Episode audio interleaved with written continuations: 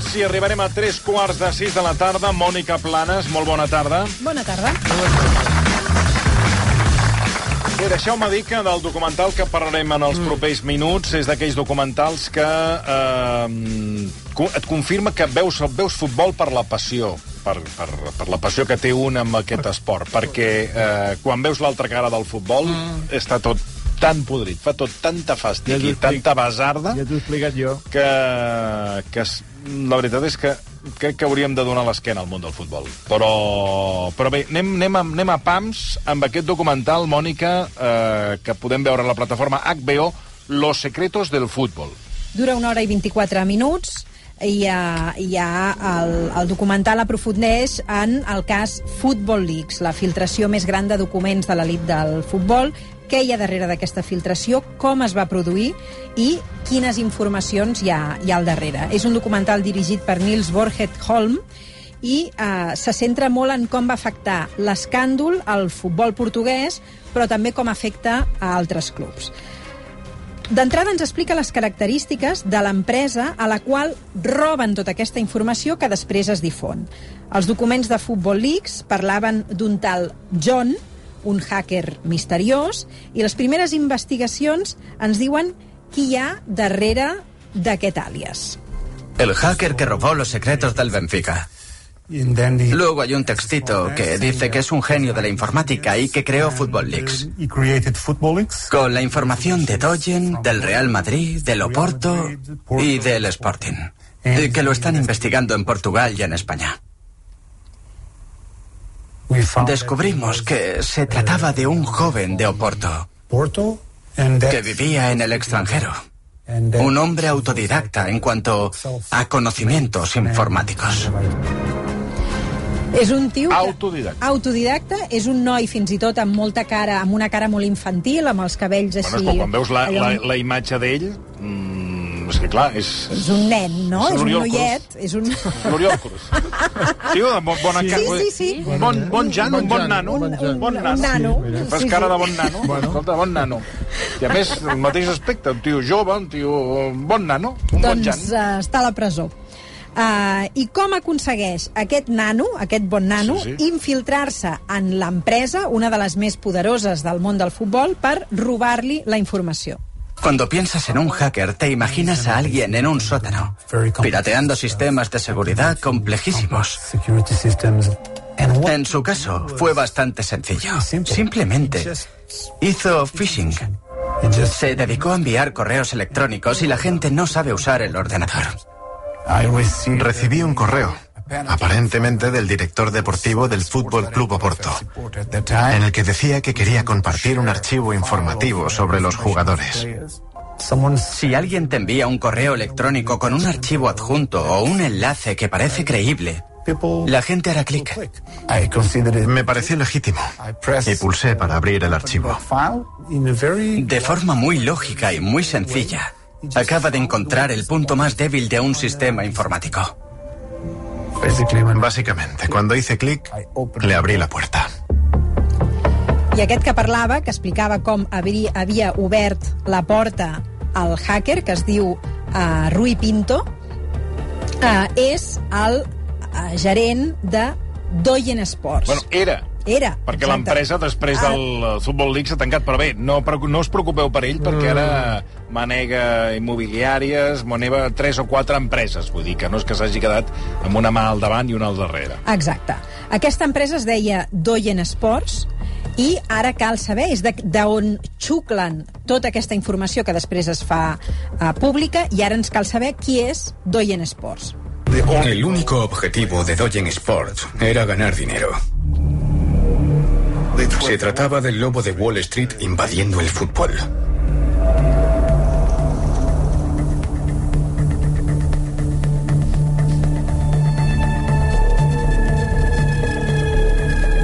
Eran contratos muy estrictos y muy minuciosos.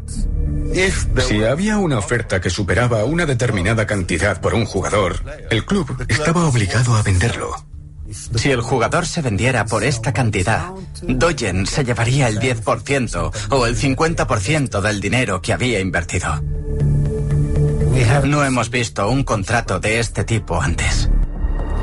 A veure, eh, torna'm a explicar, T'ho perquè explico, ja eh, veuràs. això, eh, aquí ens n'adonarem de les presses de molts representants a l'hora de vendre un jugador. És a dir, per què passen aquestes coses? I aquí eh, ho explica perquè està tipificat en aquest primer contracte de Doyen Sports, que era la primera vegada que es veia. Exacte. L'empresa està liderada per un home que es diu Nelio Lucas, que a l'entrevista hi explica des del seu punt de vista en què consisteix la seva empresa. Ell té la mirada més de normalitzar aquest tipus de negocis. Uh, insisteixo, és un dels homes més importants en la feina de gestionar fons d'inversió al món. Volen ajudar els clubs a trobar finançaments alternatius, i aquí entrem en una creativitat econòmica a vegades dubtosa, per gestionar els seus actius. I quen, quins són aquests actius? Els jugadors. I ara aquí explica com funcionen. Si un club quisiera fichar un jugador, pero no tuviera dinero, en lugar de ir al banco, acudiría a Doyen, que compraría parte de ese jugador.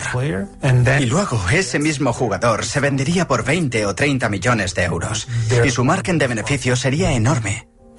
Así que tenían un buen modelo de negocio. Són uns intermediaris que el que fan és... Uh, Jo t'ajudo amb els diners, però després el revenem de seguida i guanyo jo les diferències. Correcte. És a dir, el que fan és especular amb els futbolistes i el marge de benefici se'l Bueno, queden és un ells. tràfic de persones, Mm, exacte. de persones futbolistes. Com- com si fossin esclaus. amb el, amb el beneplàcit del futbolista. I dels clubs. I dels clubs. Bueno, i, del, I dels representants. Exacte. De fet, en el documental veureu... Bueno, és que eh, jo m'he quedat amb el, amb el fragment anterior, no, no aquest que acabem d'escoltar, el que acabem d'escoltar, l'anterior, que ha dit que si arribava una oferta superior a la que tenia, Estaves obligat. estaves obligat a vendre'l. Perquè així l'empresa recuperava els centres. Clar, o sigui, i això està en el contracte del club que compra el jugador. Li arriba una oferta superior i l'ha de vendre. Per força. És que és molt fort. Sí, sí, uh, clar, perquè a partir Tot i que el jugador digui, no, si estic molt a gust aquí, no, no, tu te vas a ir vas, porque lo pone en tu contrato. Porque además Però, clar, no- nos debes tantos però, clar, dineros. el jugador també ho ha assignat, això. Esclar. O el representant, Tots. en aquest cas. Què més, Mònica? Doncs és d'aquesta empresa que té tots aquests contractes tan complexos on queda clar quina manera fan servir per negociar amb els jugadors que el hacker Rui Pinto treu tota la informació a través del phishing, després ell ven l'exclusiva, primer queda penjada a internet, hi pot accedir tothom, després penja tota aquesta informació, eh, ven aquesta informació al Der Spiegel, i queda a disposició de, de tothom, arriba a mans de periodistes que tenen accés doncs, a contractes, a acords de traspassos... Hi ha, per exemple, quins uh, fitxatges o quins contractes surten a la llum? Doncs el fitxatge de Radamel Falcao entre l'Atlètic de Madrid i el Mònaco. Fixa't. Uh, què més? El O sigui de... sí que feia anys que es feia, això. Sí, sí, sí, sí. El de Pizzi entre l'Atlètic de Madrid i el Benfica, eh, el de Gareth Bale pel Madrid, de Toni Kroos, el de Neymar... Eh, per exemple, també descobreixen totes les informacions de la gestió del Manchester City o tota la documentació referent a la el, creació... el Guardiola, eh? A l'equip de Guardiola, que tot és perfecte, i aquí al RAC no és parlem d'això, i que és l'equip de referència. Doncs pues mira, i la, i la, tots els, la documentació referent a la Superliga Europea, aquella que va durar 48 Mm, sí, hores. bueno, no va arribar ni 24. Exacte. Una altra de les informacions que revela té a veure amb un escàndol a l'arbitratge portuguès orquestrat pel Benfica, que jo trobo que és un dels grans escàndols del món de l'arbitratge i que va tenir molt poca Bueno, la, pro la, repercussió. la prova és que tu ara em parles d'aquest escàndol i no sé de quin em parles. Doncs escolta bé, para l'orella. Y así obtuve 20 gigabytes de información. Fue un intercambio de correos electrónicos entre una persona que tenía influencia entre los árbitros y otra de la dirección del Benfica, donde se asumía que el Benfica controlaba a los árbitros. Quizás lo más impactante era una lista con los números de teléfono, las direcciones y algunas cosas sobre la vida privada de los árbitros. Sus amantes, sus novias, sus exnovias, la novia de este árbitro, la hija del otro, etc. Era totalmente vergonzoso. Era muy serio. Podía utilizarse para manipular a los árbitros. Jesús. I qui et diu... No, però clar, després d'aquesta informació, qui et diu que això no es faci en d'altres clubs? per descomptat, i en altres països, i que tot això es tapi. Aquest, aquesta I situació... per això veus a vegades... Perquè Coses es que no, que no va, que no s'entenen. Com és que vas a revisar el bar amb alguns e- equips i amb altres no, etc etc. De fet, veureu en les imatges del documental com quan aquesta notícia eh, es fa pública, en molts estadis les aficions penjaven pancartes de suport a Rui Pinto com l'home que havia destapat la Clar. corrupció en el futbol en el seu país i la, tenia el suport de l'afició per defensar un futbol més transparent, eh, més, eh, Sí, més sí. noble, més eh, just, i, en canvi, eh, li donaven suport mentre aquest tio l'havien Bueno, l'havien però això, detingut. això, disculpa, és com la hipocresia de quan es va Home. destapar la Superliga, que els equips 24 hores més tard es van tirar enrere, tots, per començar, els aficionats anglesos que van dir el futbol és del poble, el futbol no és del poble, el futbol actualment de la Premier League, de les grans lligues europees, no és del poble No. ni és de la gent. El futbol és d'aquests magnats. I tant. I, I que surtin els anglesos a dir-ho, amb un Manchester United que és d'uns eh, d'uns eh, àrabs, eh, que surti els del, els del Chelsea que eh, fins Que fa poc era de igual, l'Abramovich, sí. ara és d'altre soci. El Manchester United, que és d'uns empresaris nord-americans. El Presseguer, igual. Vull dir, clar, de què estem parlant? Uh, I ja no parlem... I, I podem parlar també, ho podem traslladar a d'altres equips europeus. Vull dir que això de que el futbol, futbol ha deixat de ser... El futbol és un gran negoci i crec que la gran demostració de que és un gran business on aquí hi ha uns quants que es foten d'or és aquest documental i el Football Leaks. I ara veurem aquests personatges que s'amaguen, aquests dels quals parles tu, que s'amaguen darrere de tots aquests negocis. Qui hi ha darrere? Qui hi ha darrere, exacte. Qui hi ha darrere de Nelio Lucas, que és el que dona la cara en Sí. aquest documental i que gestiona l'empresa Doyen Sports. Nadie debe saber quién está detrás de él. Y quien está detrás es una familia de oligarcas kazajos turcos llamados los Arif. Cuando el muro de Berlín y la URSS se derrumbaron, crearon sus fortunas con los recursos minerales. Construyeron un enorme imperio secreto, un laberinto de sociedades extraterritoriales en todos los paraísos fiscales del planeta. Atenció, eh? Els que estan al darrere de, eh, d'aquesta empresa... Doyen que- Sports? Doyen, Doyen, bueno, Doyen Sports, uns eh, inversors foscos, no. Lo següent, kazajos turcos, amb tot de calés, que està tot amb, tots els calés en paradisos fiscals, amb diferents eh, societats eh, que estan entrellaçades unes amb les altres. I aquests són els que posen tota la pasta per fer aquest negoci. A veure si el futbol no està podrit, que està, que fot una pudor que no es pot Home, aguantar. tant, Una catipent de mort. És una empresa vinculada també a negocis amb Donald Trump, que es dedica a blanquejar diners de la màfia russa. El propietari es diu Tefik Arif, I el futbol és del pueblo. El futbol és de la gent. I tant. El propietari Tefik Arif posa el seu fill Arif Effendi, que en sentirem a parlar més endavant, a gestionar l'empresa al costat de Nelio Lucas. Val? Entre Nelio Lucas i el fill d'aquest eh, empresari comencen a manegar tot el que són les negociacions, els intercanvis de jugadors, a l'insistir perquè tal president Que després, tal perdona, en jugador... el catàleg de jugadors tenen de lo, lo, de lo bueno a lo mejor. Tant. O sigui, no, no tenen eh, jugadors de tercera fila, no. Tenen jugadors de primer nivell i de noms molt coneguts. Ara veurem els missatges entre aquests dos personatges que posen al descobert encara més escàndols. Val? Uh, hem dit que Rui Pinto és detingut i jutjat. Uh, se l'acusa, sobretot, d'haver de, denunciat aquesta situació, per tant, d'haver- d'haver-se filtrat a dins d'aquesta empresa. I ara anem a veure uns quants mi- missatges d'aquests de l'Arif Effendi i del Nelio Lucas.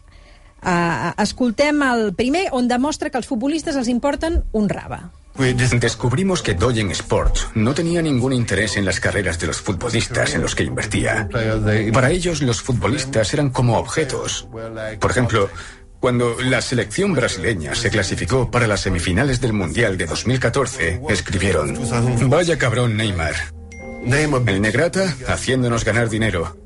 Otro ejemplo es el del jugador Radamel Falcao. En 2013 decide irse al Mónaco. Con la venta de Falcao obtuvieron muy buen beneficio, pero querían más. Publicaron textos de WhatsApp entre tú y Arif. Los leo en voz alta. Vale. Te tienen diciendo sobre Falcao. Se fue al Mónaco, vaya mierda, su carrera está terminada. El que dèiem, eh, com si fossin vedells. I ara ve el plat fort.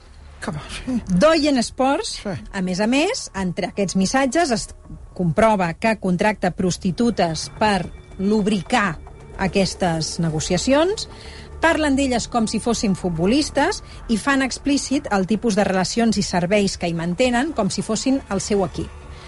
També organitzen festes on participen aquestes prostitutes i una d'aquestes festes es va produir l'agost del 2013 a Miami, on es feia un torneig de promoció amb la participació de grans eh, clubs europeus un dels quals era el Real Madrid. I aquí anem a una de les parts que posa més eh, tens a l'espectador. A Florentino li volien encolomar un jugador que es diu Condogbia, li volien vendre per 20 milions d'euros i el Florentino només en volia pagar 15. Segons la investigació d'aquest documental, Los secretos del fútbol, preparen una festa, només musical, que els hi surt prou bé. Diuen això en els missatges de WhatsApp. En algún momento, Nelio le escribe a Arif Effendi. Nelio, ayer fue increíble. Saqué a varios presidentes y vino hasta Florentino. Muy divertido. Se quitó la corbata y estuvo bailando. Arif, increíble. Y dice que incluso Florentino Pérez, el presidente del Real Madrid, se quitó la corbata y rompió la pista de baile. Fuimos a un garito, nos tomamos unas copas y nos lo pasamos muy bien. Lo típico entre amigos. Me alegro de que disfrutara. Segons el documental, Florentino eh, s'ho passa molt bé, però no puja l'oferta i preparen un plat més fort la nit següent per veure si així el convencen. Passa els 20. La familia Arif tiene un enorme ático en Fisher Island, una isla multimillonaria frente a Miami Beach. Nelio Lucas le manda un mensaje a Arif Effendi. Nelio, organizaré algo en casa si me dejas. Quiero traer a algunas chicas con nosotros, a Florentino, a Galliani y algunos directores, ¿vale? Y este le dice que en los mensajes es bastante explícito, que se trata de una fiesta sexual, que las chicas que quiere llevar son prostitutas y que quieren invitar a Florentino Pérez. Arif, haz lo que tengas que hacer. Utiliza mi habitación. Se han follado a muchas tías en mi habitación. El espíritu está allí. Nelio, ahí estamos. Me quedo allí. A partir, a partir d'aquí ens expliquen com preparen una mica aquesta festa, quina habitació assignen aquí, i, segons el documental, Florentino nega la seva assistència a cap d'aquestes festes i, tot sigui dit de passada, el Real Madrid no acaba comprant aquest jugador que marxa al Mónaco, que és qui paga els 20 milions que demanaven per, per aquest jugador. Florentino Pérez negó rotundamente haber participado en esa fiesta. En otro mensaje, unos días después, Nerio Lucas eh, le dice a Arif Effendi que Florentino Pérez estaba interesado en el jugador, pero que estaba dispuesto a pagar solo 15. Finalmente, el as de Mónaco aceptó pagar los 20 millones. Tota aquesta història i el desenllaç d'aquesta història on hi ha el debat, per una banda, entre Nelio Lucas, que defensa aquest tipus de negoci com una manera de funcionar del futbol, de l'altra banda, la voluntat del Rui Pinto de netejar el futbol de tota aquesta corrupció, però d'altra banda també pinten a a Rui Pinto com una mena de fals Robin Hood. Mm. És a dir, inicialment Rui Pinto tenia intencions d'embutxacar-se calés d'aquests fons d'inversió que, fe, que tenia Doyen Sports a l'hora de fer aquelles filtracions que es fa unes quantes transferències al seu compte corrent i tenen tants calés que ni se n'adonen de les transferències que es fa al seu propi compte, però d'altra banda, i llavors, com d'altra banda, després, quan el pesquen, diu que tot plegat era una operació per posar la informació a mans de tothom i que, per tant, eh, el que vol és netejar eh, el futbol, no? És a dir, hi ha aquesta,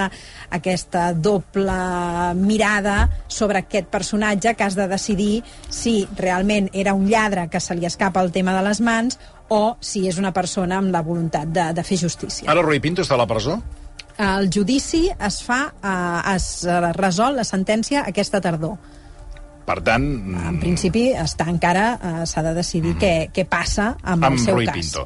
Eh, jo, el resum del documental, molt recomanable, Los secretos del futbol, basat en el Football Leagues, el, el resum és eh, que un dels testimonis li diu, bueno, i a partir de tot això que surt del Football Leagues, mm. com és que la societat no reacciona, no, no es mobilitza, no s'emprenya?